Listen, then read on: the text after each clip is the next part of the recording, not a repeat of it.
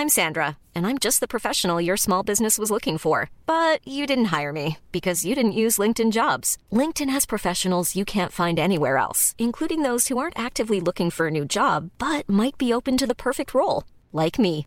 In a given month, over 70% of LinkedIn users don't visit other leading job sites. So if you're not looking on LinkedIn, you'll miss out on great candidates like Sandra. Start hiring professionals like a professional. Post your free job on linkedin.com/people today. Mom deserves the best, and there's no better place to shop for Mother's Day than Whole Foods Market. They're your destination for unbeatable savings, from premium gifts to show-stopping flowers and irresistible desserts. Start by saving 33% with Prime on all body care and candles. Then get a 15-stem bunch of tulips for just $9.99 each with Prime. Round out Mom's menu with festive rosé, irresistible berry chantilly cake, and more special treats. Come celebrate Mother's Day at Whole Foods Market.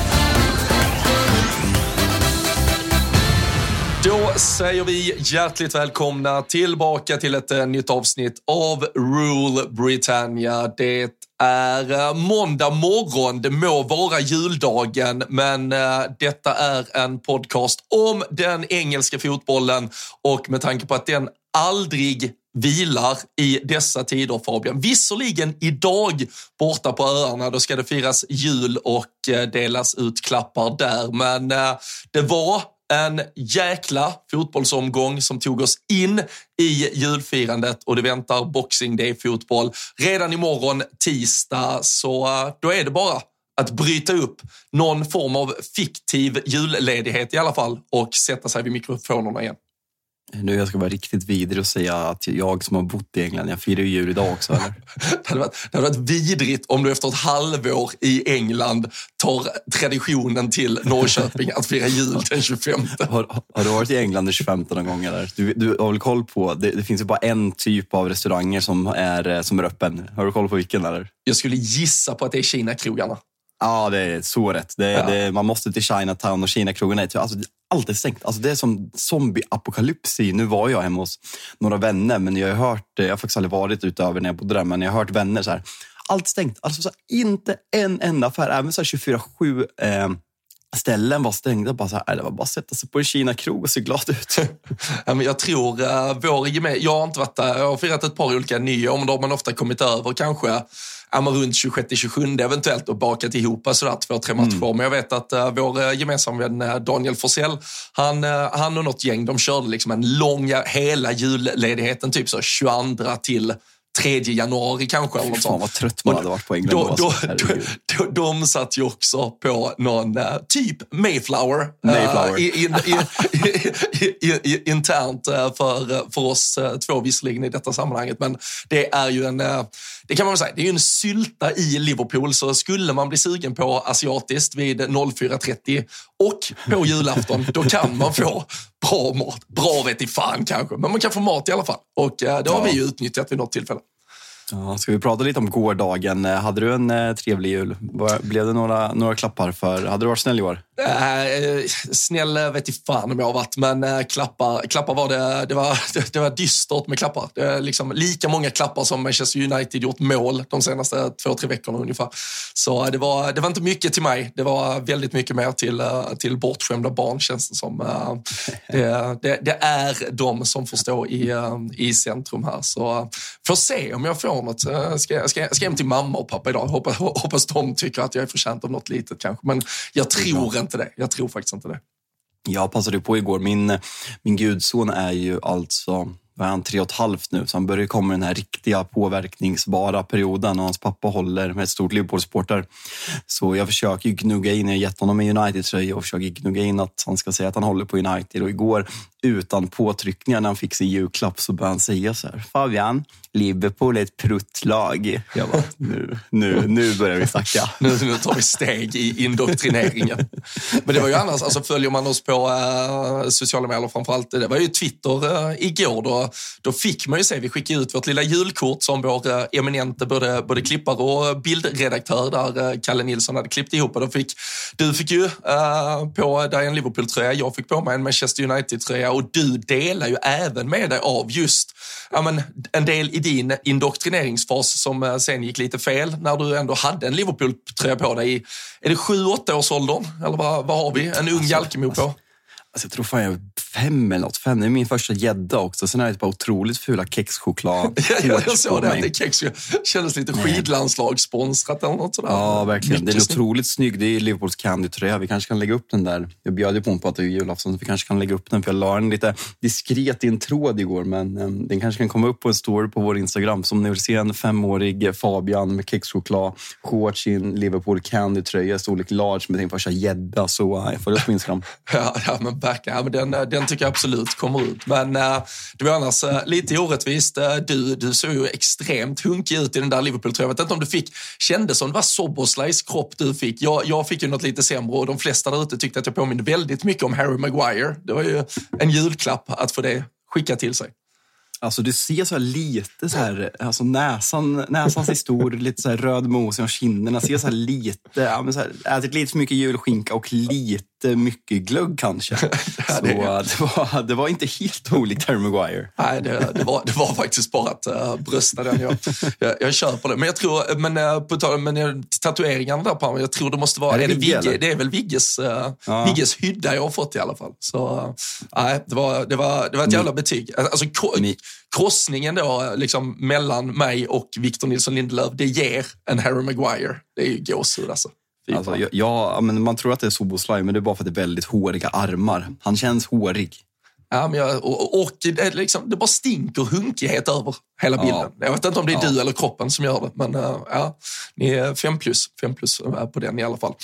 Och uh, för, uh, för er United-supportrar, jag vet ju som sagt inte om, kanske du, du kanske fick något litet eget paket också, men uh, framförallt så fick ju alla Manchester United-supportrar, det var väl inte, alltså det var ju en illa dold hem, det var ju den här julklappen som ändå alla har sett, har stått där inne i liksom, ja men garderoben, eh, klädkammaren, instängd någonstans i ett hörn. Man har tjuvkikat på den, men eh, det ska ju trots allt delas ut också för eh, det var väl någon gång strax efter Kalle ungefär som Manchester United officiellt då kommunicerade ut att Sir Jim Ratcliffe genom Ineos kliver då in och köper 25 procent av aktieinnehavet i Manchester United.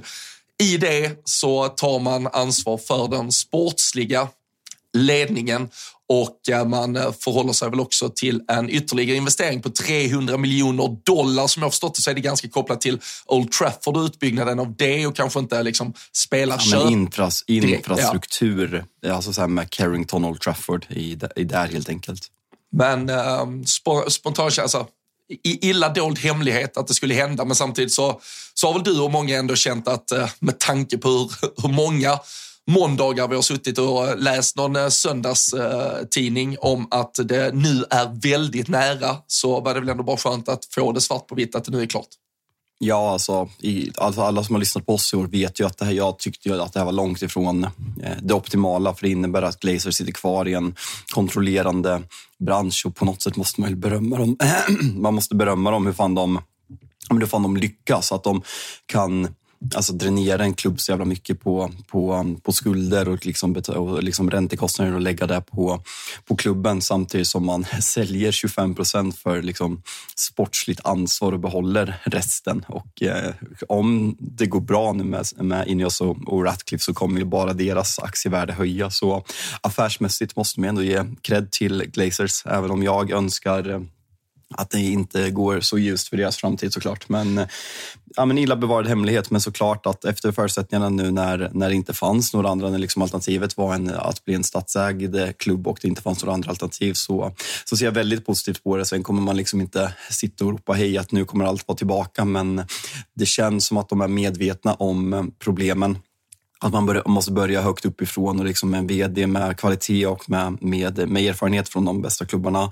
Man måste få in en sporting director och liksom en transferspecialist som det heter och liksom eh, folk på topproller som Richard Arnold, John Murtog ska för, förhoppningsvis bort sen.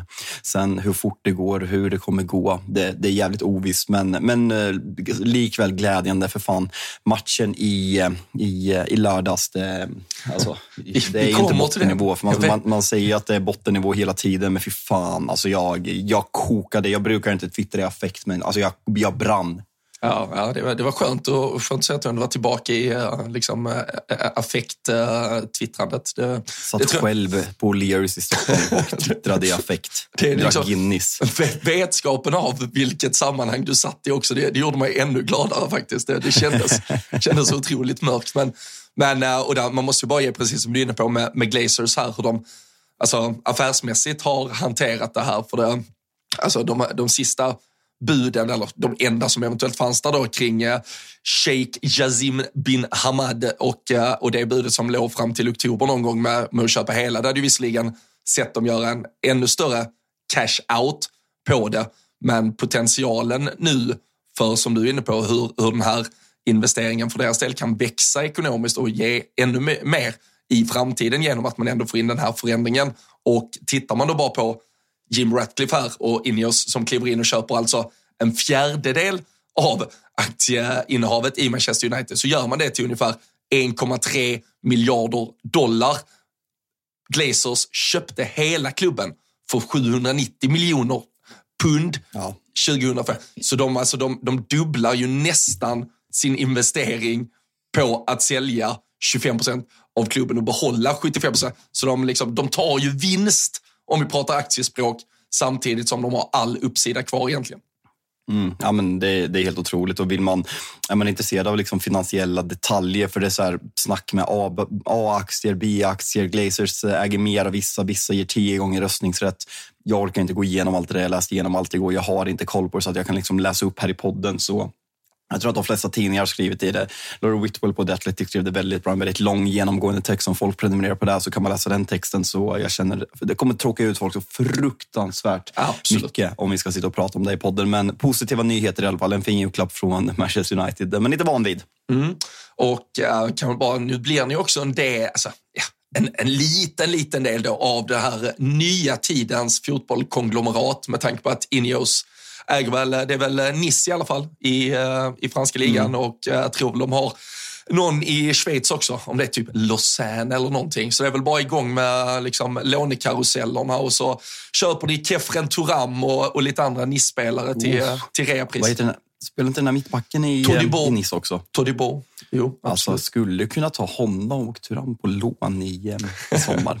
Ja, det, alltså, dumt, det har ju klubbarna röstat för att det är helt fullt möjligt, så det är bara att agera. Alltså jag, jag är för multi, multiägande, känner jag helt plötsligt, när det finns två sån, så intressanta spelare. Ja. Vi, kan, vi, vi tar allt vi får. Ja, ja, jag förstår det. Någon som gör mål hade väl annars eh, kanske varit en eh, smart idé, för efter hur den eh, där rundan under lördagen eh, till slut summerades eh, så kan vi konstatera nu att det bara är Sheffield United som gjort färre mål än Manchester United i Premier League den här säsongen. Det, vi har ju skrattat åt mycket, vi har raljerat över mycket, men det här är nästan det absolut sjukaste av allt när man summerar.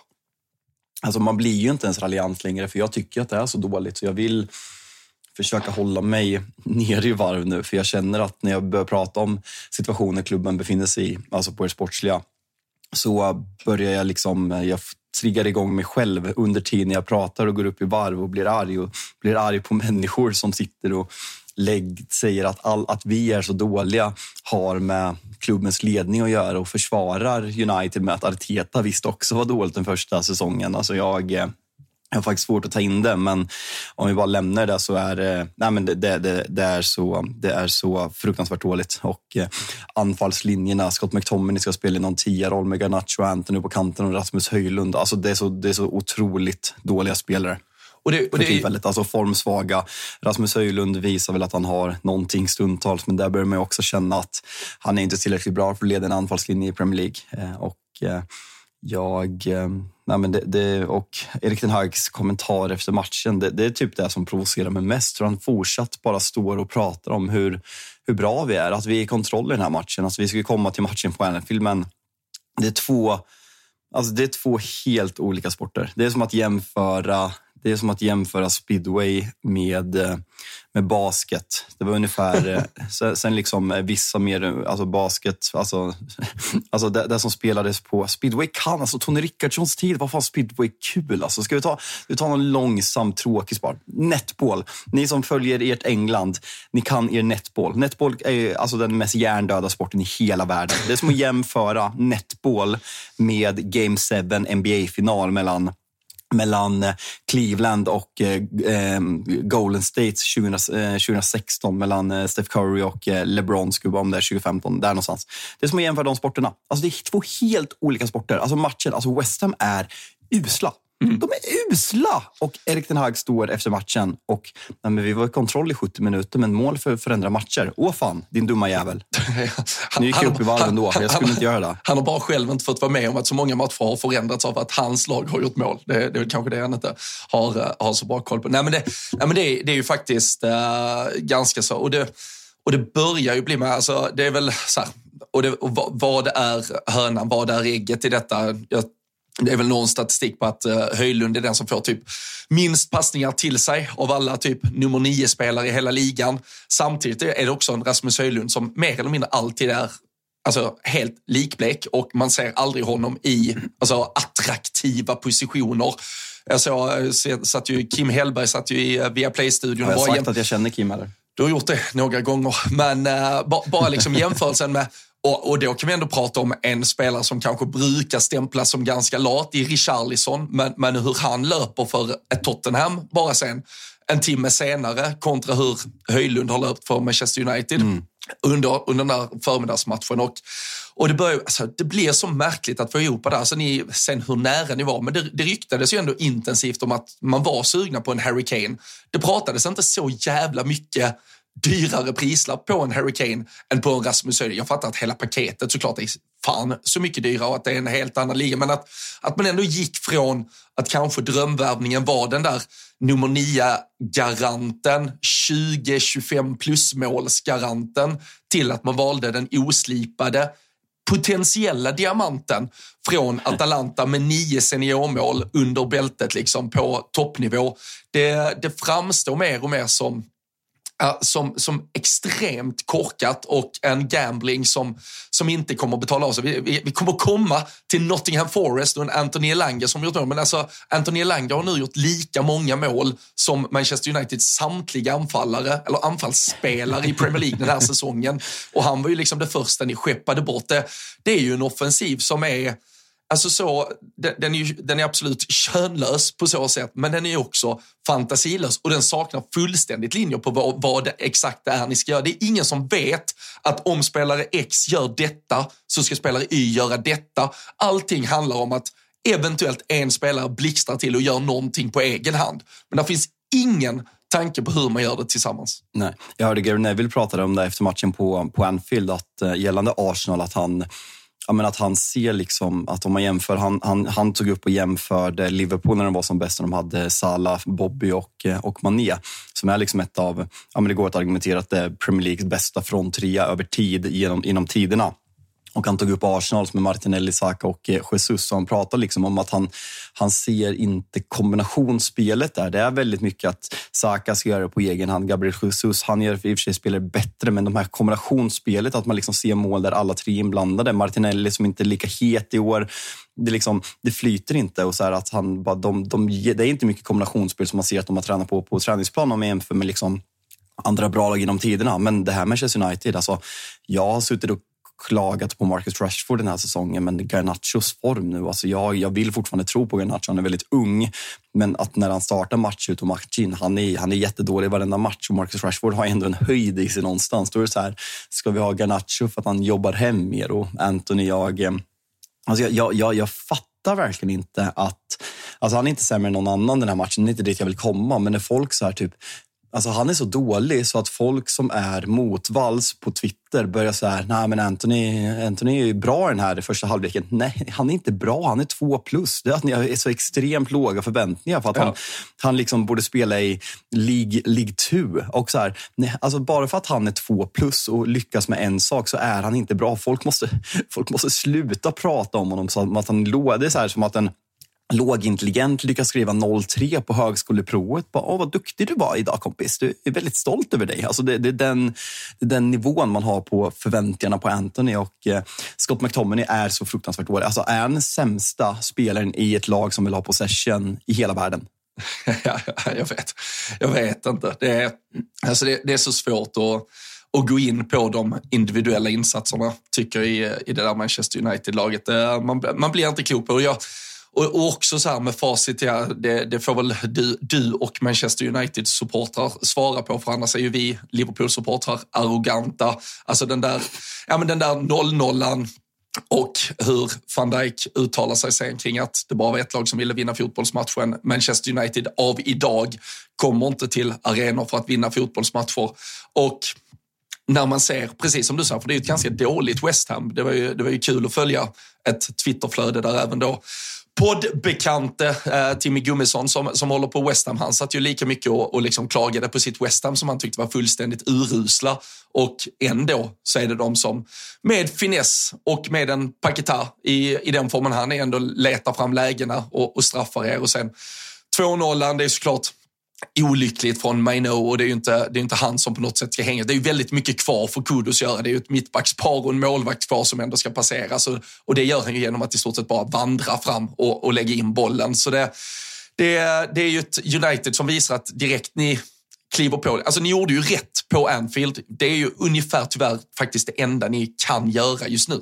Och mm. samtidigt så kan ni ju inte göra det mot alla lag för då, då tror jag till och med att de sista supportrarna som, som står i någon Erik Ten Hag-hörna uh, ger upp. Men uh, det är svårt att se hur ni genom att föra spel ska vinna fotbollsmatcher just nu för då, då tror jag det är för lätt att straffa er och ni saknar kvaliteten för att själva vara avgörande. Ni saknar kvaliteten för att själva genom eget spelförande göra två, tre mål utan att själv gå bort er defensivt. Så nu har ni Aston Villa hemma på, eh, på, på måndag kväll här, eller tisdag kväll. Bord och... bokat på Learys i Norrköping. Ljus va? Nej, alltså det kommer ju antagligen sluta med att uh, Ollie Watkins kontrar in två, minst. Uh, Såvida inte Aston Villa bara sköljer över er direkt. Det, jag, jag har svårt att se hur, hur United tar kontroll och styr detta och dessutom behåller en defensiv balans. Nej, går inte. Nu går vi vidare. Nu orkar jag inte mer. Nej, det tycker jag vi gör. Men eh, ni har inte förlorat så här många fotbollsmatcher i alla fall vid julafton sedan 1930. Så det är fan alltid något. Det är ett hundraårsjubileum snart.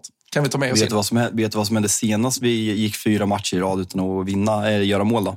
Jag tror ni vann ligan säkert, eller något sånt. Ja, vi tog, tog in eh, Erik Cantona så det är dags. Vem blir årets Erik Cantona? Är det ett lån på Wout Weghorst eller? Ja, Såg du förresten den lilla nuggetsen? Sen är ju de här jävla Twitterkontona. Alltså jag, jag, jag börjar brinna av på sådana här vidriga Twitterkonton som bara ska ja, men typ så här Arsenal-konton som bara “Thank God for Declan Rice” när ni kommer åtta mot en och så här Trent missar upp ett mål. Mm, tacka fan för Declan Rice.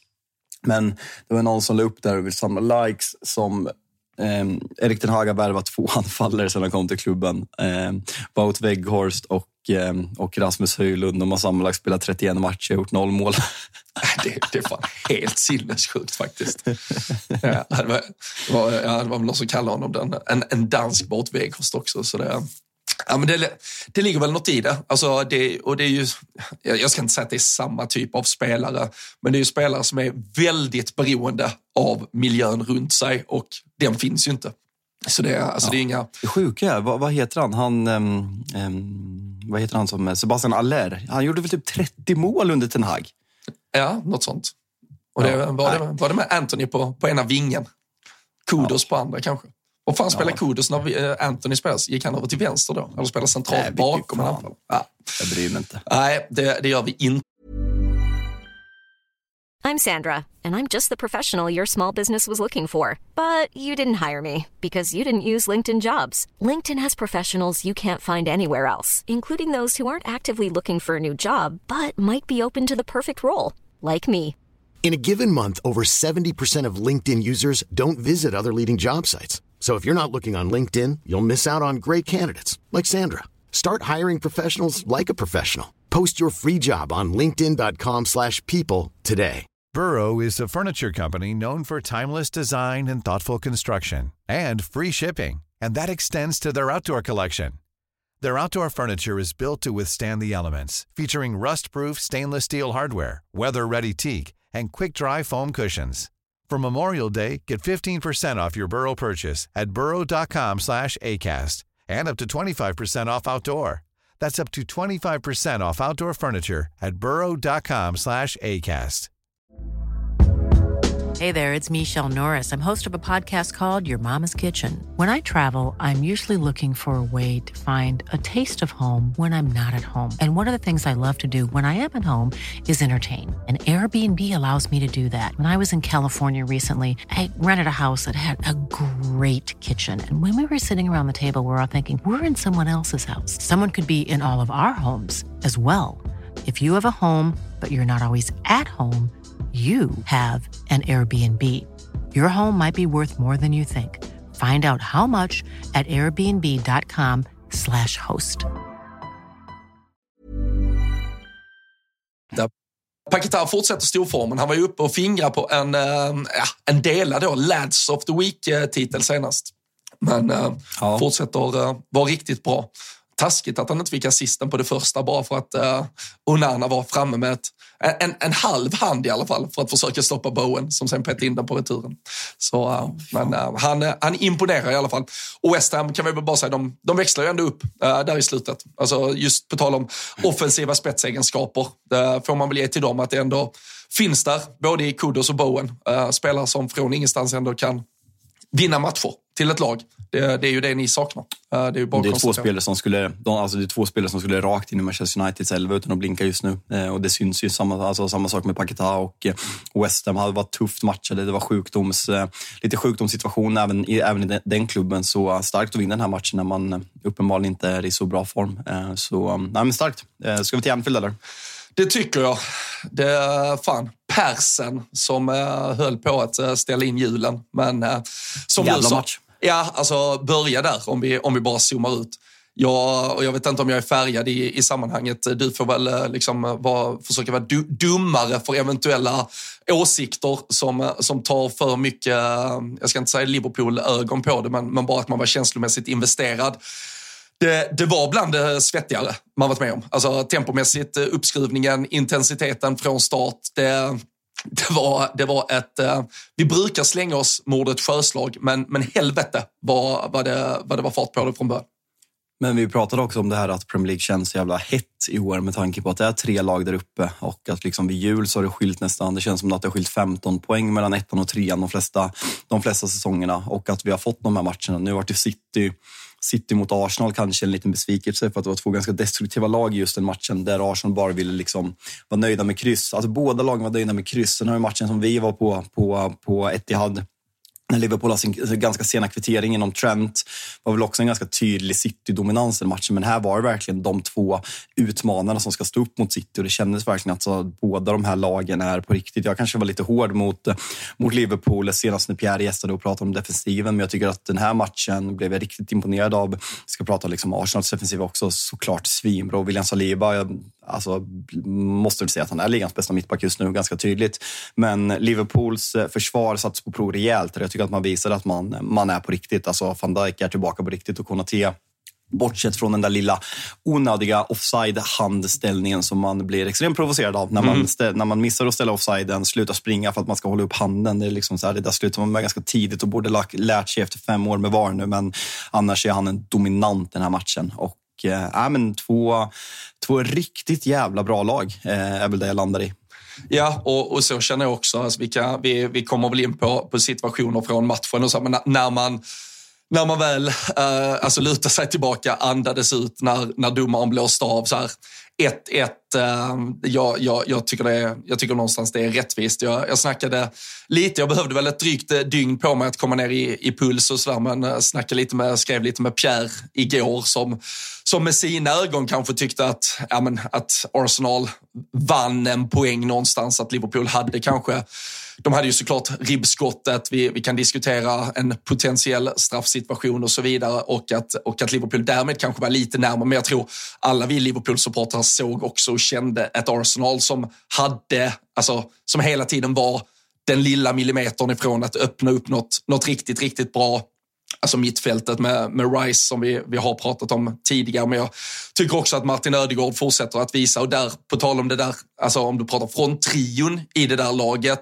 som kanske inte gemensamt klickar på det sättet så har de ju fördelen någonstans av att Ödegård så lätt binder ihop allting mm. ändå. Så du kan alltid, även om ni tre längst fram inte löser det gemensamt kan du alltid vända så att säga via honom så kommer han öppna upp det åt, åt nästa spelare. Och det, där tycker jag han kanske är bäst av alla i ligan i den där positionen. Så, och jag tycker fortsatt, han liksom fortsätter imponera. Så, så när allting summerades så tror jag att Alltså Liverpools supportrar andades nog ut och ändå så här, okej okay, fan, 1-1 det, det, är ändå helt okej. Okay. Och jag tror att Arsenal supportrar andades ut lika mycket. Jag tror att för båda lagens del så var det nog snarare viktigt att få kvittot för båda har väl de senaste veckorna fått, jag ska inte säga kritik, men man har ändå sagt att formen, äh, är det verkligen, alltså hur bra är de här lagen? Det har varit lite mm. sådär sena vinstmål hit och dit. Det har sett lite krampaktigt, men jag tyckte när det nu verkligen blåste upp till storm, när båda lagen tvingades spela på någon form av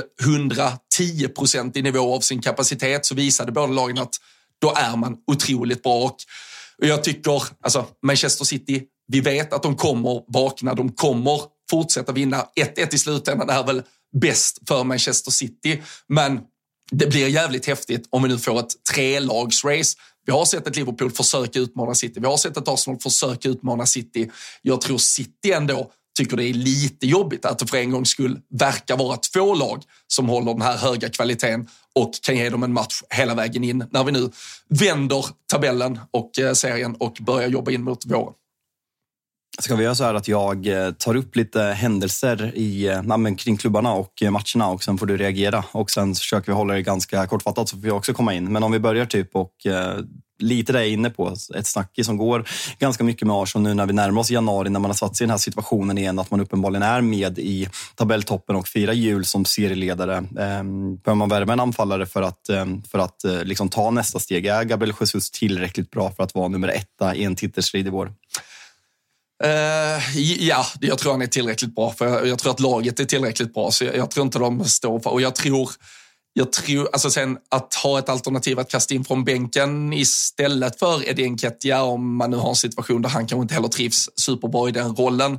Det hade väl kanske varit smart för uh, Arsenal, men jag tror inte de ska gå in och försöka alltså verkligen sätta in en ny startnia i januari och försöka ändra på det här. Jag tycker och tror att de ska bygga på det lag de har och ta det in i mål sen. Sen kanske den justeringen ska ske i sommar. Men att, alltså för då ska du, då ska du värva Håland-nian, alltså då ska du värva 15 plus garanten. Ja, men han är inte det. Uh, det, det, det, kan jag, det kan jag lova dig. Uh, Viktor Gyökeres är inte svaret på att Arsenal ökar sina vinstchanser till att vinna Premier League. Det, absolut inte. Då tror jag det är mycket då, bättre då. att låta systemet segra i det här fallet. Ja, nej, men jag, jag är nog med det där, men långsiktigt tycker jag verkligen att man behöver... Gabriel Jesus är inte en första ja, striker. Han är, han är för skadedrabbad och han är inte tillräckligt. Alltså, om du jämför med de absolut bästa så är han inte där uppe och man ser alltså när Saka och Martinelli har lite formdippar så, så blir Arsenal för mycket beroende av andra, andra saker. Och, man, och liksom nu, nu pratar jag så att folk inte missförstår mig. Nu pratar jag liksom för, på yttersta, yttersta liksom för att gå upp mot världens bästa lag, Manchester City. Alltså på den nivån pratar jag nu. Alltså Arsenal är helt överlägsen de flesta klubbarna i hela världen med Gabriel Jesus. Men för att ta det där nästa klivet, för att kraven är så extremt stora för att kunna vinna Premier League, så, så tror jag att man jo. behöver förstärka där. Eh, Martin Ödegård eh, halkar eh, lite, eh, får bollen på handen. Eh, solklar straff, eller? Ja, men det är det väl absolut i slutändan. Och eh, det, det är väl inte bara Liverpool-färgade eh, ögon som har konstaterat det. Det var väl en William Saliba, som eh, förutom då att vara, vara bäst på plan, så är han, gör han det man ska göra och bara erkänner efteråt att nej, det är klart det är straff. Och, och det, alltså uppfriskar och, och helt sjukt att folk inte alltid gör det. Alltså tränare som får, får du domslut mot dig eller med dig, alltså erkänn det också för att förtydliga bara att det var fel av domarna i alla fall. Alltså du, du behöver ju inte skämmas över att du inte fick straffen mot dig. Bara så här, nej, jättemärkligt. Nej. Han tog ju supermycket med hands. Vi, vi fattar inte riktigt, men ja, kul för oss den här gången. Men eh, det, det belyser ju ändå och ger eh, liksom ändå mandat någonstans från alla på planen att eh, här hade vi ett fel. Det, det här borde ni gjort bättre. Och, och det, det är man bara, återigen, vi, vi fastnar inte i det för jag orkar inte. Det som är märkligt, Nej. vad det verkar är ju att den inte rullas fyra, fem, sex gånger i ett varum. Sen, sen ska ju allting rullas ett par gånger utan att vi får reda på det. Så jag, jag utgår från att man tittar på det, men bedömde det som att han halkar till lite eller någonting och är på väg ner och sätta ner handen som att ta stöd eller vad fan som helst. Jag vet inte vad de kommer med för ursäkt i slutändan. Men, uh... man, man, man, skulle ju vilja höra när, när det inte rullas, alltså hur eh, kommunikationen går då någonstans. Jag, jag tycker också att det är eh, solklart straff. Sen tycker jag dock att vem i Newcastle var det som slår det här inlägget till Joel Linton? Eh, kommer du ihåg det? Uh, Joe Willock. Alltså, Joe ja, nej, men så här att folk ska ha som argument, nej men Joe Willock sa att den var ute. Jo, men när du springer i full fart, du, skulle Joe nej, Willock nej, kunna se på en millimeter och sen att Liverpool-supportrar använder nu. Nej, men till och med William Saliba sa att det var straff. Jo, men absolut. Alltså så här, det är inte han som bestämmer. Han kan inte regelboken. Så jag tycker att det, det, blir ganska dåliga argument att prata om att spelare i motståndarlaget tyckte. De är ju bara liksom, kanske lite mer färdiga, men de kan ju inte regelboken på det här sättet. Sen tycker jag så att det är solklar straff. En, en annan eh, situation. Eh, eh, tidigare nämnda Daniel Forsell gick ut och körde den klassiska att, eh, att FA är korrupta för att Saka är en engelsk landslagsspelare. när, som många har gjort för kanske framförallt Harry Kane genom året och även innan det Steven Gerrard och Frank Lampard Wayne Rooney bland annat. Fast den, Men, nej, du, kan inte, du kan faktiskt inte jämföra den tre. De var fan inte skyddade. De fick ju mer röda kort än, än snittet känns alltså, för att de var psykfall också. Alltså Gerrard och Rooney folk, i alla fall. Ja, Lampard har varit ganska skyddad. Han, han känns det, som en likeable, likeable gubbe. Ja, men han hade ju typ blått blod. Han kändes ju liksom uh, royalist. Han är ju, han, han är ju otroligt uh, liksom, monarkivänlig, liksom, uh, vänlig, känns det som. Scholes, fattar ju, Scholes och Rooney fattar ju inte. Eh, Absolut. Gerard hatar ju kungahuset för att han är från Liverpool. Såklart. Lampard, riktigt så posh London-royalist. Eh, helt rätt. Nej, men Harry Kane är väl den, den kanske som har stuckit ut mest genom åren. Liksom kapten i England senaste åren, skyddad av FA för att det är liksom Harry Kane. Men argumentet kom ju ut från eh, tidigare nämnda Daniel Forsell när Saka halkar och eh, går in ganska bryskt. Jag kommer inte ihåg vem, om det är Gravenberch eller vem han går in mot eh, och kommer igen ta bollen, men han kommer in med ganska duktiga sulor. Vad är det en andra varning? Alltså så här, jag, jag, vet faktiskt inte regelboken hur mycket förståelse man ska ha för en halkning. Själva tacklingen i sig är ju solklar varning. Sen är det så här, ska man ha förståelse för tackling, eh, halkningen? Jag, jag vet inte. Vad, vad kände du där? Nej, jag kände inte att det ska... Alltså, jag, jag, jag tycker ju inte det ska... Alltså, jag tycker ju typ inte det ska kunna bli rött kort i de här stormatcherna. Uh, och och jag, där gillar jag egentligen hur Fifa, de säger alltså om det är något jag gillar med Fifa så vet man ju att de inför ett VM, de säger ju till domarna i stort sett. Alltså om folk inte mördar varandra där ute, då får ni inte ge ett rött kort i stort sett. Och jag, jag är ju trött.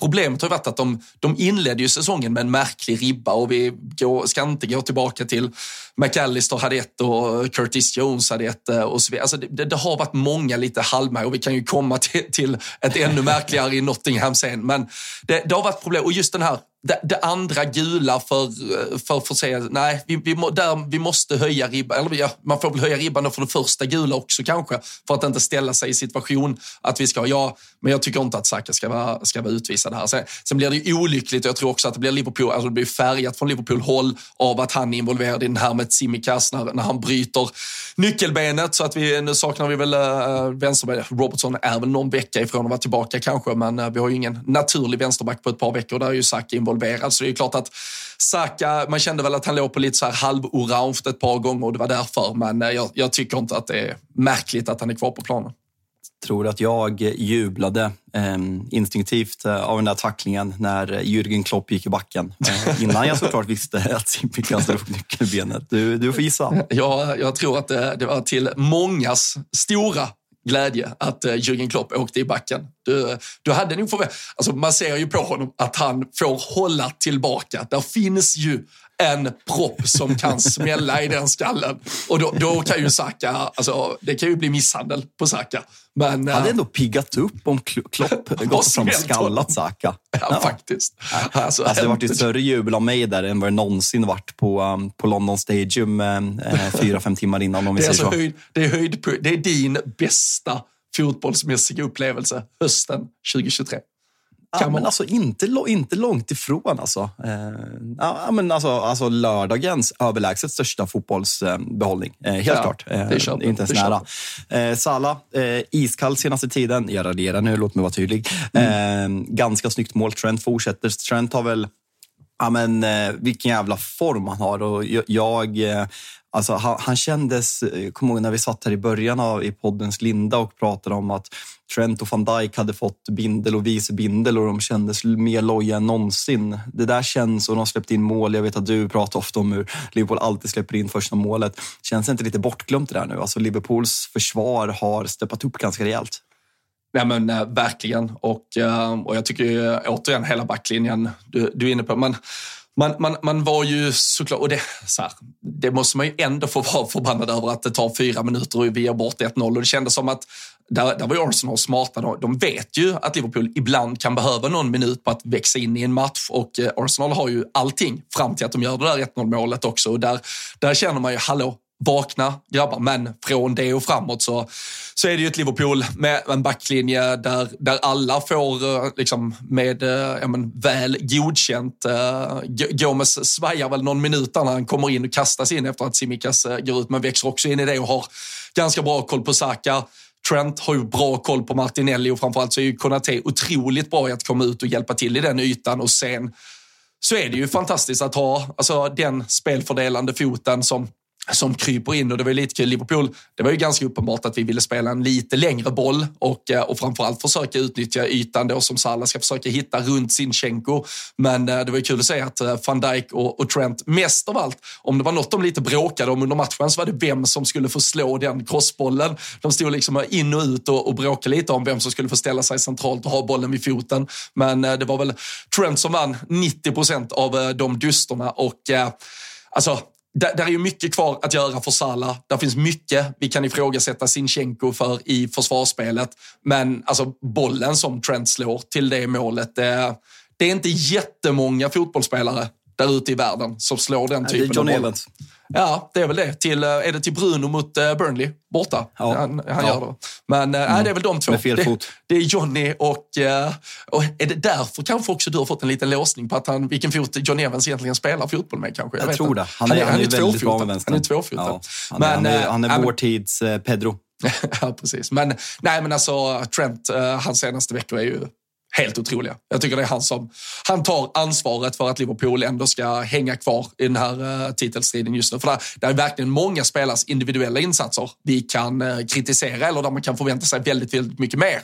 Men det är ju ett Liverpool som nu faktiskt lever mycket mer på att den där backlinjen är jävligt bra. Vi vet att Allison alltid är bra och så är det typ den individuella briljansen från Mohamed Salah oavsett om han är iskall i 89 minuter eller inte som till slut avgör för Liverpool och håller oss kvar i racet. Får man prata ännu en gång eller blir det tjatigt om hur bra Declan Rice är? Alltså, eh, det är så svårt, så här, för man följer inte. Men så här, jag såg någon som la upp en kombinerad elva mellan Real Madrid och, eh, och ehm, och eh, Arsenal och hade kanske lite för mycket Arsenal-spelare. Men Declan Rice, alltså jag, jag har typ in honom i varenda jävla lag i hela världen. Alltså jag tycker att han är så fenomenalt bra och det har vi pratat om tidigare att det har gått varvet runt att spelare nästan underskattas för att de är britter. För att man är van att liksom klanka ner på britter för att de just är britter och britterna höjer dem, håller dem så jävla högt. Men fy fan, jag tycker att han är topp tre på plan varenda match han kliver ut på. Det, det är... Nej, men vilken jävla värvning de har gjort och att han går från att spela i en ja, men, mindre klubb, all respekt till West Ham, men liksom, eh, förra året är man liksom nere och kämpar i botten ganska länge och kan spela på ett sätt och sen att han är så självklar från första sekund i det här Mikael Artetas Arsenal och liksom balanserar upp det samtidigt som han bidrar med så fruktansvärt mycket offensivt och så bra på att transportera boll. Jag älskar Rodri, men fan Declan Rice, vilken fantastisk fotbollsspelare det är.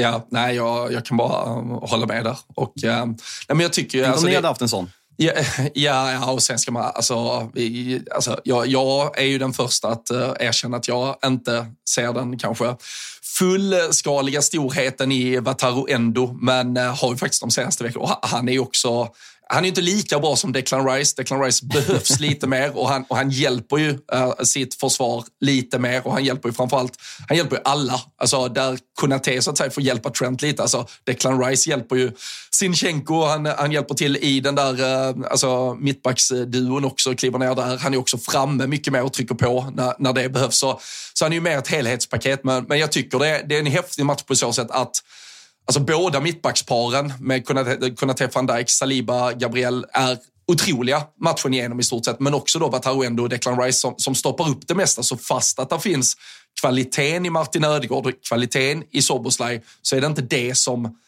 Alltså det är inte det som styr matchen, utan det är snarare återerövringen från de alltså, mm. lite mer defensiva spelarna som, som gör att vi håller uppe det här tempot hela tiden. För det, det vinns boll till höger och vänster hela jävla tiden. Så det, nej, ruskigt. Eh, det var, det var en häftig jävla match. Alltså jag satt, det var första gången på länge jag satt alltså så svettig och alltså, fan, mentalt absolut, men fan nästan fysiskt dränerad av att uh, titta ja, fotboll. Det, det, var, det var svettig jävla tillställning. Och vi, uh, vi får ju ändå ge oss själva att vi någon gång redan i september ungefär berättade för Gareth Southgate att ett mittfält med Declan Rice, Trent Alexander-Arnold och Jude Bellingham, det vinner EM. Och uh, har, man tittat, ja, men har man sett den här hösten så är det ju kanske det är, det är tre av de typ formstarkaste spelarna i Europa vi har att göra med där. Ja, men det är väl bara en spelare i hela världen som går in på det där mittfältet i stort sett. Är det Kevin De Bruyne? Nej, Kai Havertz. Kai Havertz, fy fan. Tänkte jag på.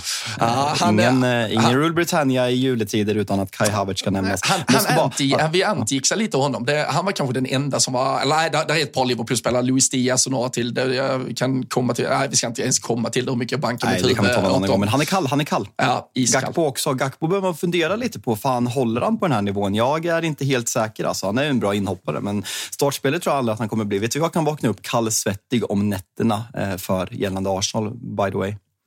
Uh, nej, men jag, jag, jag, känner att du, du säkert sitter i en ganska jobbig situation med tanke på att du, du typ hatar både Liverpool och Arsenal och ett av de lagen potentiellt nu kan vinna Premier League och inte lika jag är, säkert. Jag är, jag börjar gnugga Arsenal. Det är därför jag så försöker hitta min kärlek i Declan Rice. Jag älskar Declan Rice. Så jag, jag gnuggar ju. Jag känner att eh, Liverpool hatar, jag skrev till några kompisar, fan, Liverpool-hatet, det, det låg liksom på lågvarv förra året för att ni var så jävla dåliga. Men det, det börjar faktiskt pika nu och du har stor del i det. Jag omger mig med väldigt mycket Liverpool-supportrar, men nu när man poddar med dig också, jag, jag klarar inte av en ligatitel. Så nu, jag gnuggar och, och, allt som inte är Liverpool just nu. Vad, eh, vad, vad gör du då av eh, Mohamed Salahs tweet under gårdagen när han lägger upp “We know we can't keep dropping points like this and we will keep fighting to do better”. Han får, det låta som att vi, han får det låta som att vi har spelat två kryss mot Luton och uh, Sheffield United när vi har mött Manchester United och Arsenal. Ja, första är inte helt fel dock. Nej, nej, så är det. Så är det. Men, typ men, men, att gå, men, att gå, ut från en av de svettigaste stormatcherna mellan kanske, alltså form, jag ska inte säga formmässigt, men två av Europas bästa lag, så är det bara. Och eh, ändå ha attityden att man inte kan hålla på tappa poäng mot sånt här skit längre om vi vill vara med i inte något mot City också när vi var på plats? Han något jättekonstigt. Så här, sen räddning mot City, han skrev något liknande. Ibland känner man bara så här, trollar han? Är han osmart? Fattar han inte kont? Alltså så här, bara konstigt. Men det här som får mig att vakna kallsvettig. Mikael Artetas experiment att han skulle peta Gabriel i början av säsongen. Nej, det är så märkligt. Ja, men alltså, alltså, jag fattar inte. Va, nej, vad ville han med Timber? Alltså, så här, hur ville han få in den där backlinjen? Alltså, så här, det, de kanske hade varit ännu bättre med Timber i den där mittbacken, men jag fattar inte, för Gabriel var svinbra hela förra säsongen och sen han kom in i laget efter typ den fjärde omgången den här säsongen så har han varit helt fenomenal och han, han komplettera Saliba helt otroligt. Jag, för jag fattar inte vad Mikael Arteta var, eh, var Nej, ute efter där och det vi, tycker jag man måste få se. Ja, och vi satt ju i höstas och ifrågasatte just det att det, det, var lite mer rotation och förändringar alltså vecka in och vecka ut i den där backlinjen. Och han, det var Tomiyasu skulle plötsligt in och han skulle ja, experimentera med det här. De sto stora mittbackarna på i stort sett varenda position i backlinjen. Och det var, det var en jävla Kivior hit och liksom, det var spelare dit och, och så vidare. Och mycket förändring. Nu är han ju tillbaka på exakt den backlinjen han hade 99 procent av matcherna förra säsongen. Det är samma lag förutom Xhaka och Partey. Ja, ja, ja precis. Och, och, där har man ju Eller party, party som Pierre säger, när det märks att han har varit i England för mycket. Ja, exakt. Men, eh, nej, men det är ju jättemärkligt. Som omfamnas ska sägas. det, det här är ju backlinjen som var så jävla bra förra året, som uppenbarligen fortfarande är svinbra. Så eh, nej, Arteta, alltså, du behöver inte uppfinna hjulet i alla fall, så du kan uh, snurra på ett par saker kanske, men just backlinjen tror jag Arsenal ska skita i och pilla på. Den, den där är riktigt jävla bra. Så uh, där får Nu, de, kan de hålla i. Vet du vad vi ska säga nu? Att uh, vi börjar ladda mot uh, Boxing Day, kanske. Ja, och att vi är sponsrade av ATG.se, precis som vanligt. Eh, Big Nine, åtta rätt. Eh, vi prickade in Lutons seger mot eh, Newcastle, den väntade. Eh, gick plus på Big Nine med åtta rätt, men det var lite surt för det var en riktigt fin utdelning. Jag tror att det var upp mot 180 000 då det var jackpot, så det var, det var surt. Så vi sprack bara på Burnleys eh, seger borta mot Fulham. Men eh, man kan inte få allt, men plus på Big Nine i alla fall och nya tag till jag tror att det är på, det är väl på lördag igen, den, den 30. Vi hoppar faktiskt tisdagsomgången, men vi har faktiskt en Boxing Day-trippel som vi har förberett redan innan jul. Så den, den kommer göras reklam för på våra sociala medier, så får ni kika om det är något ni gillar. Har du koll på vad det är för matcher vi har förresten? Uh, alltså matcher på Boxing Day? Eller vad pratar du om? Ja, på uh, vår trippel tänkte jag. Ja, men matcherna på trippen, absolut. Eh, det är, eh, vi, vi går för att eh, Liverpool gör jobbet borta mot Burnley. Burnley som, som du var inne på, de skrällde väl lite borta mot Fulham och, och vaknade någonstans från, från det döda. Men vi, vi tror Liverpool löser det på, på Turf Moor. Vi tror att Bournemouth behåller lite flyt. Solanke hattrick här senast. när har Fulham hemma som vi tror att man lyckas besegra. Och så tror vi ändå faktiskt på Chelsea hemma mot eh, Crystal Palace. Eh, nu fick man ju en eh, julaftonssmäll borta mot Wolves. Förlust 2-1 där, men Liverpool, Chelsea och Bompan, tre segrare som vi sätter ihop i vår Boxing Day-trippel, finns att rygga på. ATG.se slash tutto. Vi skickar ut länken också så kan man ju bara klippa, eller klicka sig vidare direkt där också, eh, ifall man vill eh, ta rygg på det. Men det, jag tyckte det var kul att vi var inne på Luton senast i, i avsnittet, ju, att allt stjärnorna stod liksom för rätt för att det inte skulle kunna bli en seger. Och så blev det ju också. och kan man väl fan unna Luton också att de fick det efter allt som varit senaste veckan och framförallt att få en hemmaseger mot ändå då ett på pappret lite mer aktat lag med tanke på att man har varit så nära så länge. Men ska man hänga med på någonting som vi gör på ATG så är det 18 år som gäller och stödlinjen.se i fall man skulle ha något problem med sitt spelande. Ja, verkligen. Så, så är det. Eh, vi är typ 50 minuter in och vi ska avverka äh, en domarskandal på City Ground. Vi ska avverka eh, Chelseas julfirande. Är så! Det är så Nej, kul! Ja. Noterade dock att med tanke på att Nkunku kom in och, och gjorde mål direkt, det var väl i typ 97 minuten ett tröstmål visserligen, men då har han på 31 minuter gjort fler ligamål än, vem tror du? Rasmus Höjlund den här säsongen. Ännu en spelare som piper förbi i den där skytteliga-botten som han befinner sig. Ja, nej, det, det, det är otroligt. Alltså, vad finns att säga om Chelsea egentligen? Man får ju inte, men, och, det, och det är väl så här det kommer se ut fram tills att de sätter någon form av eh, fundament. De, de kommer kunna vinna matcher. De kommer kunna göra mycket mål säkert i, i matcher när saker och ting stämmer. Men de kommer också kunna rasa samman eh, till höger och vänster för att det inte är någon struktur. Det, det finns inget eh, fundament att stå på och eh, man, eh, man blir ju inte riktigt Ja, vi, vi kommer inte bli kloka. Jag tror vi måste alltså, acceptera faktum att vi blir inte kloka på Chelsea den här säsongen. Det behövs här, den här säsongen får vara vad den är. Sen tror jag att Chelsea måste ändå bestämma sig för att det nog är Pochettino som ska få chansen att bygga samman det. Men uh, det, det, är för spretigt hela bygget och där, där finns inte tillräckligt raka linjer och tydliga instruktioner på hur de vill spela fotboll känns det som. Och med, med skadesituationen som har varit så, så har de inte heller haft tiden att bygga den kontinuiteten och uh, nu uh, ja, att, att de skulle åka till Wolves borta och eh, ge någon form av eh, blå glädje till supportrarna inför jul, det, det tror jag inte många ens hade en tro på faktiskt. Alltså, de, de är inte att lita på den här säsongen. Nej, alltså det, det är bara landar där. Eh, och det, är så här, det, det, det, är så konstigt att folk, man ser liksom överallt att folk bara pratar om Manchester United. Chelsea är ännu sämre eh, på ett eh, sjukt sätt och man, man pratar knappt om det. Jag, jag vet inte varför det är att de har den här unga truppen, att de har, känns som att det är acceptabelt att skylla om skador, att Chelsea-supporterna känns mer positiva, att det finns något att se fram emot. Men de känns bara menlösa, om man får uttrycka sig så. Alltså noll, alltså vi pratar ofta om att man vill ha spelare som man känner för att det är svårare i dagens fotboll. Men så här, nu riktar jag mig till Chelsea-supportrar som lyssnar på det här. Alltså hur, hur många spelare i den där truppen ser ni och verkligen känner fan det här är min gubbe? Det är liksom Conor Gallagher kanske som är typ etta bäst på att, i stort sett allting hela Chelsea år. Liksom Mudryk kan inte känna någonting för Sterling. Saknar hjärna. Eh, missar återigen alltså liksom helt otroliga lägen. Niklas Jackson vart, eh, eh de jublade när han varit utbytt igår. Mm. Och eh, centrala mittfältet Caicedo, eh, Enzo Fernandes. Enzo Fernandes kommer säkert bli bra, Caicedo också. Men det är så här, svårt att säga att man känner något för dem. En backlinje där den enda spelaren man kanske borde känna något för är skadad i fyra månader nu. Och liksom så här, kommer han ens ha en karriär kvar? Eh, Reece James. Eh, ja, men bara så svårt att se ett personlighetslös som jag, jag, om jag bara får leka, med, leka Chelsea-supporter som jag gör väldigt sällan. Alltså så här, svårt att känna någonting för det här laget. Mm. Ja, fan, jag blev besviken. Jag trodde det var en uh, tweet jag, jag missade från gårdagen, men det visar sig att jag, jag, tror den är två veckor gammal. Så det kan ju vara att det är riktigt gammal skåpsmat till, till våra lyssnare som brukar vara pigga och eh, alerta. Men det, det var en Chelsea-match här, här för några veckor sedan där, eh, som blev eh, lite på, hållen på paus för att folk sprang in på planen. Så, så liksom, play is stopped due to two idiots running onto the ground. Och sen någon som bara subtweetat den lite väl hårt mot Nicholas Jackson och Mudryk.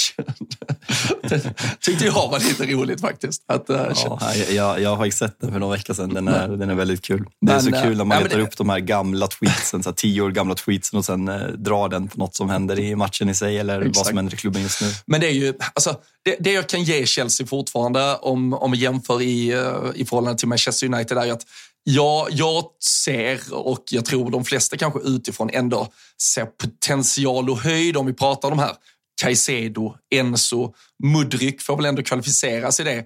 En Kunku som är på väg tillbaka nu. Om vi jämför det med att ni har Anthony, Garnacho, Höjlund.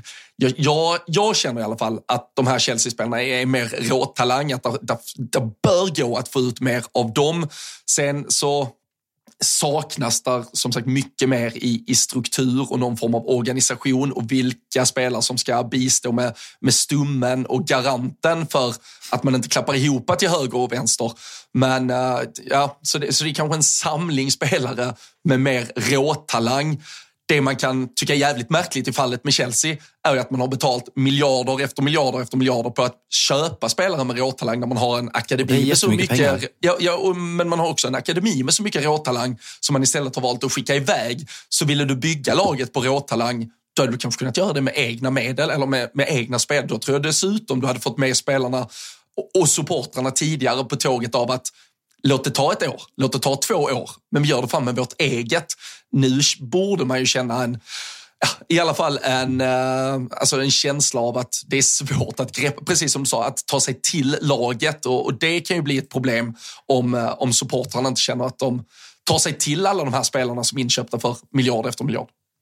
Nej, och det är ju viktigt alltså, att få drömma som fotbollssupporter. Det, jag, jag minns ju, alltså, det är sjukt att det är i år, men när man faktiskt gillade fotbollsspelare Manchester United. Sen har ju de raserat det på väldigt kort tid. Men jag, alltså här, jag skiter verkligen inte i titlar, men jag vill bara ha ett lag jag tycker om. Att liksom se fram emot att se en Manchester United-match, vilket jag kanske har gjort under men några, alltså Erik den Hag Sundtals första år, Ole Gunnar Solskjärs första två månader. Ehm, det, det, är typ då jag verkligen sett fram emot att se Manchester United de senaste tio åren. Och jag, jag vill bara ha ett lag jag tycker om som jag ser fram emot att se matcher. Jag, jag har svårt att se att Chelsea så här, kollar på det här laget och fan, ja, men det här laget eh, älskar jag. Alltså så här, de här spelarna älskar jag, känner tillhörighet. De, liksom, de förstår klubben. Och det, det blir ju mindre och mindre i, i världsfotbollen, men alltså jag kan tänka mig att man ser så här Arsenal, Arsenal-supportrar som är liksom det senaste exemplet verkligen på en klubb som har varit på en eh, mörk plats ganska länge, men Arteta kommer in och liksom så här, folk blir provocerade hur Arteta beter sig på presskonferenser och kanske framförallt sidlinjen. Man, man ser verkligen Arsenal-supportrar döda för honom. Alltså så här, de skulle nästan ge upp sin familj för Mikael Arteta och liksom de här spelarna, William Saliba, Declan Rice, alltså alla kommer in. Till och med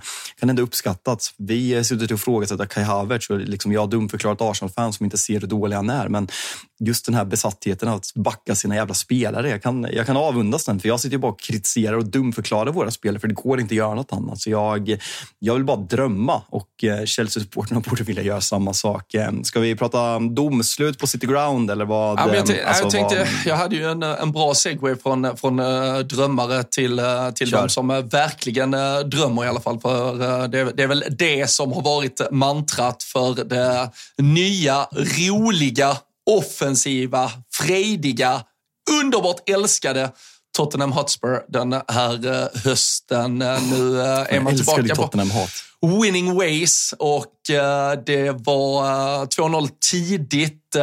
Richarlison som sagt där snabbt framme på första stolpen, petade in den bakom Pickford och sen en Son som fick in ett 2-0 mål. Men och jag, som sagt, du, du uh, var snabbt att hugga på mitt uh, Tottenham-hat. Och ett hat finns inte, men jag blir uh, förundrad.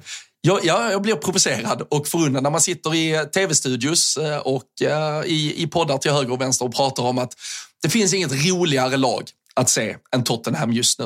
Och det kan man ju tycka, men det är ju inte Alltså det, det man måste, alltså asterisken till det där är ju att det är ju inte Tottenham i sig som är roligt. Det är inte Tottenham som leder matcher i 93 minuter och man bara njuter av hur Tottenham sköljer över. Jag kan köpa att man tycker det är kul att se en Tottenham-match, men den är ju lika, alltså, lika mycket av det roliga i att se Tottenham bygger i så fall på att de är extremt naiva, öppnar upp extremt mycket ytor bakåt och släpper till massvis med chanser mot sig. Nu har man en 2-0-ledning tidigt.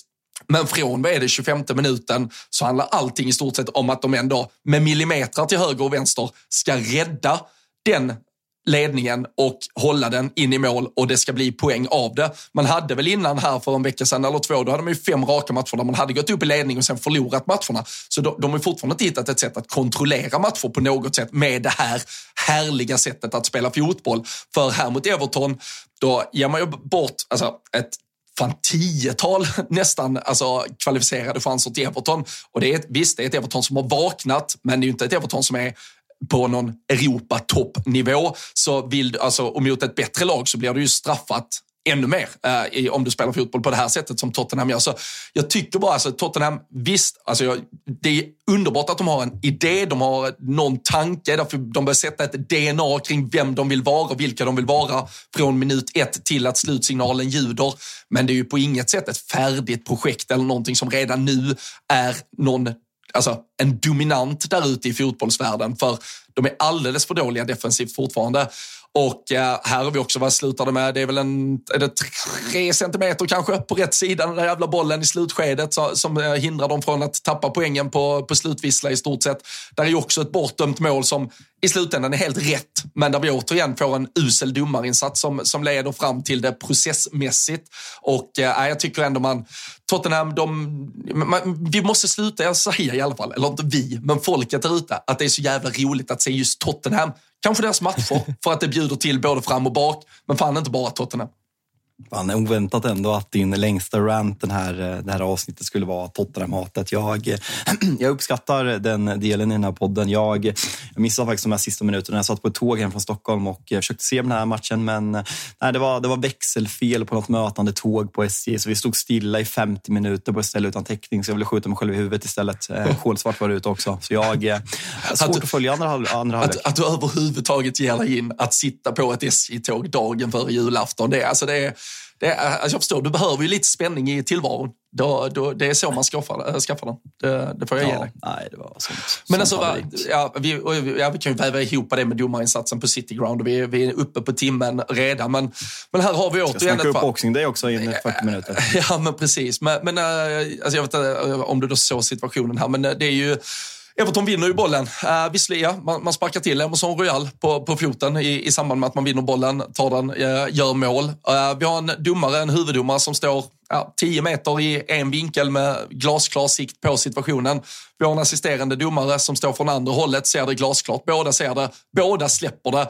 Sen blir det mål där, det måste ju för fan vara en situation, för där måste ju spelare få fyra mål. Alltså, vi har en situation som är någonstans, det är ju ändå en bedömningssituation för det är en duell. Och båda de två som är utsedda, två av tre, att ha yttersta ansvar för fotbollsmatchen, de tycker vi ska spela vidare. Och ändå så är det någon annan som säger så här, nej, nu gjorde ni fel som vanligt. Vi skiter i det här. Va? Då behöver ju inte domarna döma, då kan vi skita i att de dömer överhuvudtaget. Ja, men det, det, är just det där när man ska in och peta. Alltså det var ju samma när, eh, när ni mötte Crystal Palace. Exakt. När är det ändå som drar ner Will Hughes. Eh, alltså det är, det, det, är nog fri, alltså det är frispark, men domaren ser ju extremt och liksom att det ska ta två minuter slow motion och man ska kolla olika vinklar. Touchar han honom? Det är inte den fotbollen man vill ha, även om det till slut blir rätt för att få bort känslorna. Men det, jo, det känns så här. Och sen det här röda. Jag, jag har inte, faktiskt inte sett det. Jag vill bara se det röda, är det röda kortet när han får sin andra varning när han tar bollen liksom, i clear. ja. det är den, jag har faktiskt inte sett den här första situationen. Det, nej, nej, men det här, nej, men det här är från Everton-matchen. Uh, den här Aha, situationen. Okay. Ja, där, där, Everton gör ett mål uh, som uh, blir bortdömt. Men, men sen har vi ja, Nottingham. Det, det, är nej, men det är med, med de här situationerna. det, är det... Samma, det är samma Aston Villa är också en situation. Så liksom de, det är två straffsituationer i första halvlek. Sen är det ett mål som är så här, men det ska inte dömas bort. Och det, så här, det, kostar, det kostar så mycket. Liksom Aston Villa hade firat jul som serieledare. Det är faktiskt svårt att ta in. Ja, och framförallt det tycker vi, det, det, som skapas, det är ju att vi föder ju någonstans, jag ska inte säga misstro, men mot dumma, de tappar ju i alla fall sin, eh, alltså, alltså någonstans respekten för domarna, de som är ute på planen. För alla spelarna vet ju numera att vad de dömer är inte det viktiga. Så varför ska vi så mycket bry oss om vad de sysslar med? Varför ska vi lyssna på alltså, Varför ska vi låta dem ja, styra tempot eller liksom styra flowet? Det är inte de som ansvarar längre. Vi har ju flyttat det någon mm. annanstans och det, det tror jag på sikt kommer vara mer... Alltså, var det en helt annan diskussion och vill vi ha rätt beslut? Jada, jada. Det kan vi ta någon annan gång. Men just det här att spelarna på planen, ledarna på planen, de kommer skrika på de här jävla domarna för de har ju inget... Alltså, de bestämmer ju inte så du kan ju få ut all din aggression på dem för de är ju bara marionetter som springer runt. Men är det alltså så här, nu kanske man är historielös och glömmer bort, men så här, Nottingham skrev ju en, en, alltså ett klagomål, alltså en överklagan efter den, efter den här matchen. Men alltså, jag, jag, kanske glömmer, alltså det kanske var lika mycket prat om domarna innan VAR, men så här, de här överklagelserna och de här ursäkterna och så här, blir det inte värre? Och så här, folk har ju svårare att ta in det när det finns videodomar. Att det känns som att man hade accepterat det mer om det inte funnits där. Nu när det blir fel, när åtta personer sitter och kollar på det. det nej, det, det känns som att det gått varvet, varvet runt och liksom bara blir, bara blir ett skämt. Eh, ska såklart hylla, eh, vi, vi är långa och vi ska prata upp boxning det lite snabbt också, men ska så, såklart nämna eh, scenerna på, på Villa Park när Sheffield United gör 1-0 genom eh, tidigare Villa-spelaren eh, Archer. Eh, Archer. Gary Neville filmar uppe från deras, eh, deras eh, kommentatorspåse, eller om det var studion. Eh, jävla scener och det är där man älskar. Bara stå i en jävla bortasektion, totalt nederlagstippade och få det där målet. Sen är det väldigt synd för dem att, att Villa kvitterar i slutet, men en, en viktig poäng för Villa, även om det borde varit tre såklart med, med det bortdömda målet. Men de, de fortsätter gnugga på och Sheffield United jävligt mycket bättre defensivt under Chris Wilder får man ändå lov att säga. Och ja, men fan, nykomlingarna. Eh, sju poäng den här, den här omgången. Tog mer, ungefär, mer än vad de hade på hela säsongen. Ja, men tio omgångar va? Det tog ja. tio omgångar för dem att få sju poäng tillsammans. Så det är en stark omgång för nykomlingarna. Och Luton, Luton fortsätter imponerande. Det, eller imponera. Det är en jävla fin eh, första halva av säsongen de gör från ett lag som alla tippade på sista plats. Och Burnley börjar ja, men börjar väl se lite bättre ut. Sheffield United kommer bli jobbigare, men jag tror att Sheffield United kommer att ha tuffast att uh, hålla sig kvar. Um, är Nottingham, uh, tror du de är involverade nu? Nu, nu har man gjort alltså, tränarbytet, men uh, 14 poäng, Luton 12, Burnley 11. Ja, alltså kanske. Alltså Nottingham är ju ett konstigt lag. Det var ju dags att byta tränare. Eh, Nuno, eh, får se om vi får se Wolves Nuno. Han har gjort det bra i mindre klubbar tidigare. Spurs vart ett haveri av sällan skådat slag, men eh, det blir... Eh, det blir nej, men jag, jag, jag, tror att... Eller fan, jag säger att Nottingham åker ut bara för att sticka ut lite. Ja, ja vi, får, vi får väl se där. Var, vi kan ju notera att eh, en, en del, en pusselbit i att Chris Wilder har fått ordning på Sheffield-defensiven, det är att han har eh, skickat Ahmed Hodzic i alla fall lösningen på allt. Nej, han, han, var väl borta på grund av något uh, annat här, men han var inte med mot, uh, ja. mot Villa i alla fall. Så det, det... Nu ska vi snacka upp Boxing Day fort, för vi ska utse Lad of the Week och Fool of the Week. Det har vi glömt bort. Uh, så det blir, det blir 90 minuter plus tillägg idag. Hur, hur, hur spenderar du Boxing Day? Uh, nej, men den, är, den är fan traditionsenlig. Det, det är uh, liksom uh, barndom. Det är väl, uh, alltså, juldagen är väl egentligen den stora homecoming day och get together-dagen. Bland liksom, så här, samlas barndomskompisar eller om det är gymnas gym gymnasiefolket eller vad fan det är. Och det, och det är ju liksom för den lite yngre generationen. Det är ju, ni, det är ju du liksom som har den fanan. Det är du som ska ut och, och supa ikväll när, när jag får liksom, jag verkligen. När jag får, när jag får vara, vara hemma och och sköta livspusslet i övrigt. Men eh, Boxing Day, den, eh, den har vi liksom eh, markerat stort istället. Så den är, den är ju helig. Så eh, vi blir väl en vad kan det bli? 10-12 pers samlas tidigt för någon, någon, någon lunch och sen så liksom, brassar det ju bara igång med, med 13.30 fight och avslutas. Det är väldigt mycket jag skulle inte säga men hälften där väl, lite United-supportrar i sällskapet också. Så det, det, det kryddas ju Just. rejält om vi får 18-30 matcher med Liverpool och, så, och sen uh, sista fighten där med United-Aston Villa. Så det blir, uh, nej, det blir uh, vi, vi samlar bandet igen och liksom det är en gång om året, då, då bränner man av det fullständigt. Så det, det ska bli jävligt kul faktiskt. Ja, jag är lite oklar vad jag ska göra på, på förmiddagen faktiskt. Som sagt, bokat bord till de två sista matcherna på, på en sport pub i Norrköping. Kommer förmodligen må ganska piss för känslan är att det kan bli ganska, det kan bli ganska stökigt ikväll i känslan faktiskt. Det, det, hoppas jag att det, det ska bli. Det, det, känns som att eh, du förtjänar det eh, efter den här hösten. Du, du behöver urladdningen och så startar ni om med, med ny sportslig ledning här på, på, eller inte på plats, men i alla fall liksom bara känslan och vetskapen om att den, den väntar runt hörnet. Och så, så börjar liksom eh, Fabian Jalkemo 2.0 uh, imorgon bitti när du, när du vaknar upp och har suddat, uh, suddat dimman ur, ur ögonen. Men, uh, men jag tänker, det, det är säkert många som gör lite, liksom, uh, har, har min approach till det, att man, man samlas med något uh, barndomsgäng eller kanske ny, nyvunna polare också man, man sitter med. Man kan väl tagga in oss på, på Instagram. Uh, Rule Britannia Podcast uh, heter vi. Man kan, man kan väl följa oss. Uh, jag, jag delar med mig i så fall av uh, mitt uh, umgänge, så får väl du dela med dig av ditt uh, mörker från uh, O'Larrys i så fall. Men folk som uh, samlas med polare och uh, firar Boxing Day kan väl också bara tagga in oss om man lägger upp något på sin story eller liknande. Så kan vi väl dela så vi bygger ett stort jävla liksom, fotbollsvardagsrum tillsammans på Instagram under, under tisdagen här. Och man kan väl även Twitter om det funkar bättre. Tagga in oss där eller bara skicka in äh, svar på, eh, ja, med bild till äh, vad vi sysslar med under dagen. Så äh, kan vi väl sprida lite Boxing Day-glädje ute i stugorna tycker jag. Ja, men det tycker jag verkligen. Det är skitkul att se hur liksom folk konsumerar sin fotboll. Och liksom boxing Day är väldigt, jag kommer ihåg alltså runt 2010 när, man, när jag tog studenten, att när det var liksom, då, nu är det mycket mer utspritt, men då var det verkligen ja, upp mot sex matcher, 16.00.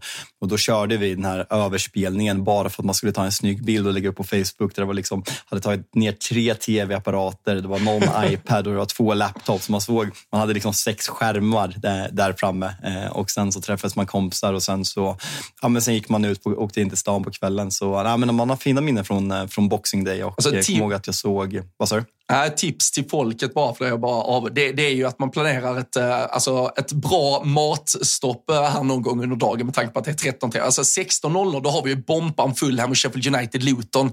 Kan vara läge att pipa iväg på käk där också tror jag. Om man, äh, eller så tar man ju bara hem, det är väl klassiskt att det bara är liksom pizzor som bara dränker vardagsrummen den här dagen. Men glöm inte lilla matstoppet här alltså jag ska äta så mycket wings imorgon. Och det, det, det positiva med att det är 21 avspark är att man... Alltså så här, är vi dåliga så är det bara... Då, då, då, då gör man Du behöver inte säga vad lösningen är på det. Jag tror alla vet vad lösningen är på det. ja, men jag glömde att det är nya United nu, så det, det, det är nya tider. Ja, med mäktiga Sim, Sir Jim Ratcliffes eh, ledning och eh, Villa på. Du måste hålla på United stenhårt eh, imorgon, va? Eh, absolut. Så är det ju. Det är, det är, nya tider när man sitter och jobbar Manchester United mot, eh, mot Aston Villa. Det, fan, det, det, det, är väl det mörkaste kvittot ni kan få. Att Liverpool-supportrar sitter och hejar på Manchester United mot Aston Villa. Det är, alltså, det är en sak om det hade varit mot Arsenal eller mot City. Men att vi hejar på er mot Aston Villa, det är, så ska det inte få se ut. Men eh, det är där vi är och eh, det är där vi har hamnat.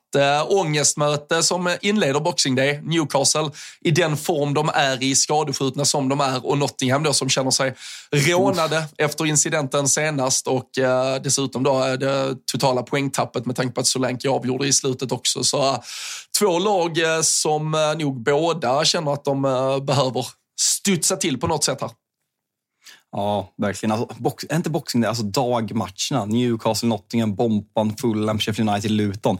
Riktigt deppiga matcher får man ändå lov att säga. Och sen en jävla vanlig onsdagsomgång där det är sena matcher. Eh, konstigt upplagt och såklart att Liverpool ska få mest vila av alla. Det, men jag tror, om vi ska vara lite sådär eh, ändå för, alltså just de tidiga matcherna alltså på boxen, de tenderar ju att vara rätt, folk är ju rätt slitna där. Alltså det, det, ska nästan vara de, det ska ju vara de sämsta matcherna på pappret som, som ligger där. Jag hade väl argumenterat för att uh, någon av 16 fighterna till och med hade varit 13-30 fighter, men det är ju för att den är, den är tv-sänd så då måste de ju ha ett lite vettigare lag, så det fick väl eh, bli Newcastle uh, i sammanhanget här. Men man, man kan väl, alltså boxing det är på riktigt, det, det börjar ju 18.30 här med med Liverpool ja. och, och sen United Villa. Det, Everton. Everton City, eh, jävla test för City som är nykrönta världsmästare. får vi eh, skicka, jag tänkte säga skicka ett grattis, men nej, vi skickar ett eh, fuck you från Rule Britannia till Manchester City istället. Eh, eller vad säger du?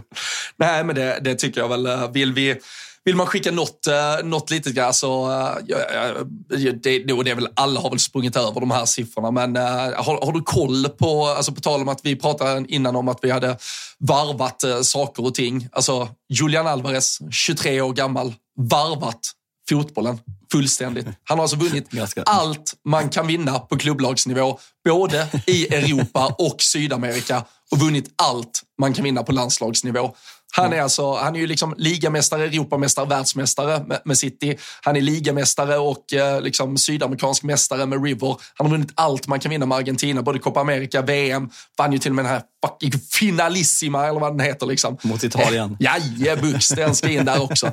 Han har, alltså, han har vunnit 14 av 14 de största titlarna som finns och han är 23 bast. Det, det där lyfter jag på hattjäveln. Och frågan är inte om han ska få vara lad of the week till och med då.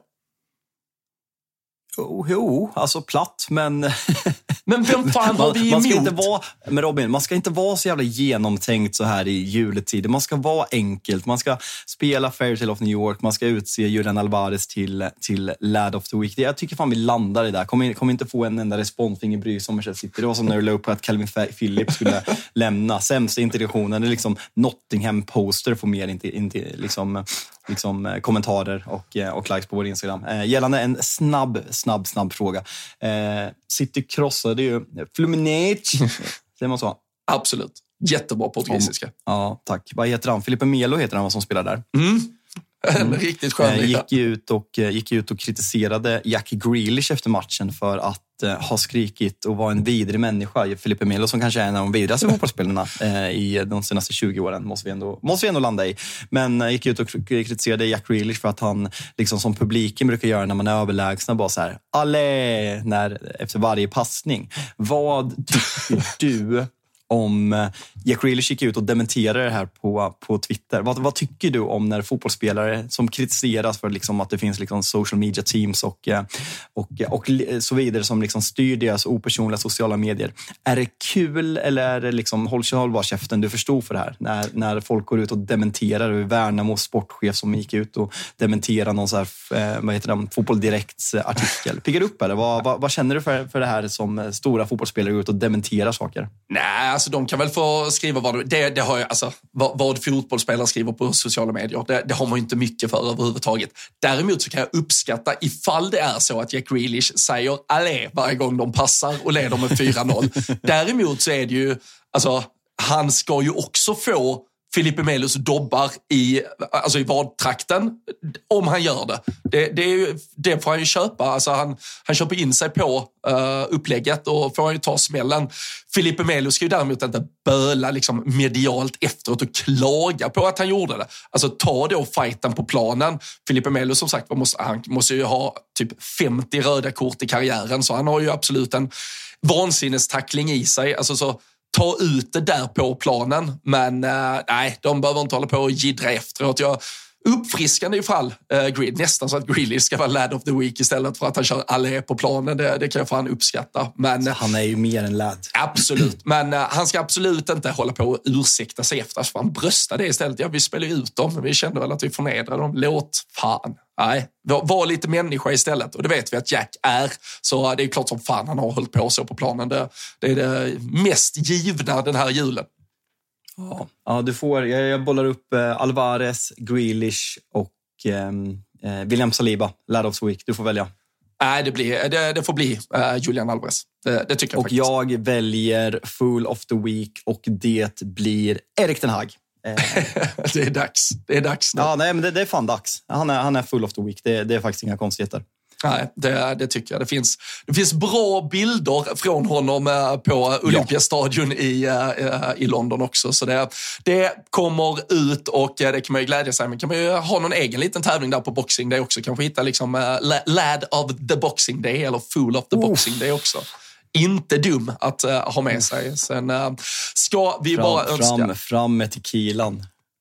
Absolut. Jager Bombs. Vad, vad fan heter den här som vår, vår vår resekamrat från, eh, Guinness och Smirnoff eh, Ice. Riksbanken, Oskar Ripström. Va, hur fan gör man då? Är det Guinness, eh, det Guinness i botten och sen så skickar... Nej, tvärtom va? Smirnoff Ice i botten och sen skiktar med Guinness. Nej, det känns märkligt att man börjar... Nej, det måste väl vara en Guinness först och så drar man på lite Smirnoff Ice på den. Ja, eller? den är ju tyngre. Det här ja. borde jag kunna som gammal bartender hur man skiktar. Ja. Men fan, det... Fan, ska man ta en? Nej, det ska jag inte göra. Jag tycker, vi får se. Om du tar en, då kommer det delas på våra sociala medier i alla fall. Känns så. svårt att göra på pub dock. Eller kanske det, nej, det är väl bara att ta en av varje och Beställa. slänga ihop ja. något kul. Ja, du ska ja. nog inte ta... Alltså, O'Larrys Norrköping löser inte det där i alla fall, så du får, du får lösa det själv. Du får ta en av alltså, varje. Det är ett dumt ställe. Så. Jag har faktiskt jobbat där en gång i tiden. Ja, men då var det, det var kvalitet. Jag, det var där var jag kom in. Det var, det, var, det var via det jobbet jag kom in i poddbranschen. Så det var en mardröm för alla, för alla som har följt mig och som hatar mig genom åren när, när Dennis Kjellin upptäckte mig eh, på O'Lears i Norrköping eh, 2000, sommaren 2014. det låter, liksom, som, som när Sara Larsson blev upptäckt i Talang. Fabian Jalkemo upptäckt på, på O'Learys Norrköping. Prata om en random människa som ja. är där och på jobb som, eh, som berättar att han har en fotbollspodcast och jag berättar att jag ska flytta till England och eh, resten är så att säga, som det så vackert heter, historia. Ja, så är det. Och här sitter vi idag. Alltså, vi, idag. vi hade inte känt varandra om det inte vore för den dagen och det jobbet, så du ska, du ska vara tacksam. Det, jag, jag är tacksam varje dag. Uh, så, så är det. Vi är uh, tacksamma också för att alla ni har lyssnat och det är väldigt kul att vi inför avsnitt ibland säger att vi kanske bara kör 45-50 minuter idag. Det, det, har inte varit så jävla mycket fotboll. Och så sitter vi här och tickar upp på 80 minuter. Men det är för att vi, fan, vi älskar att surra tillsammans. Vi älskar att ni där hemma lyssnar, ni är med oss och uh, kommer med era egna inspel till höger och vänster. Uh, Twitter och Instagram. Följ oss där. Dela nu som sagt vad ni sysselsätter er med under Boxing Day. Ta hand om er. Fortsätt njuta av lite idag. jul. Och så lämnar jag över till Fabian Jalkemo för att avsluta dagens avsnitt. Från oss alla till er alla, en riktigt god Boxing Day.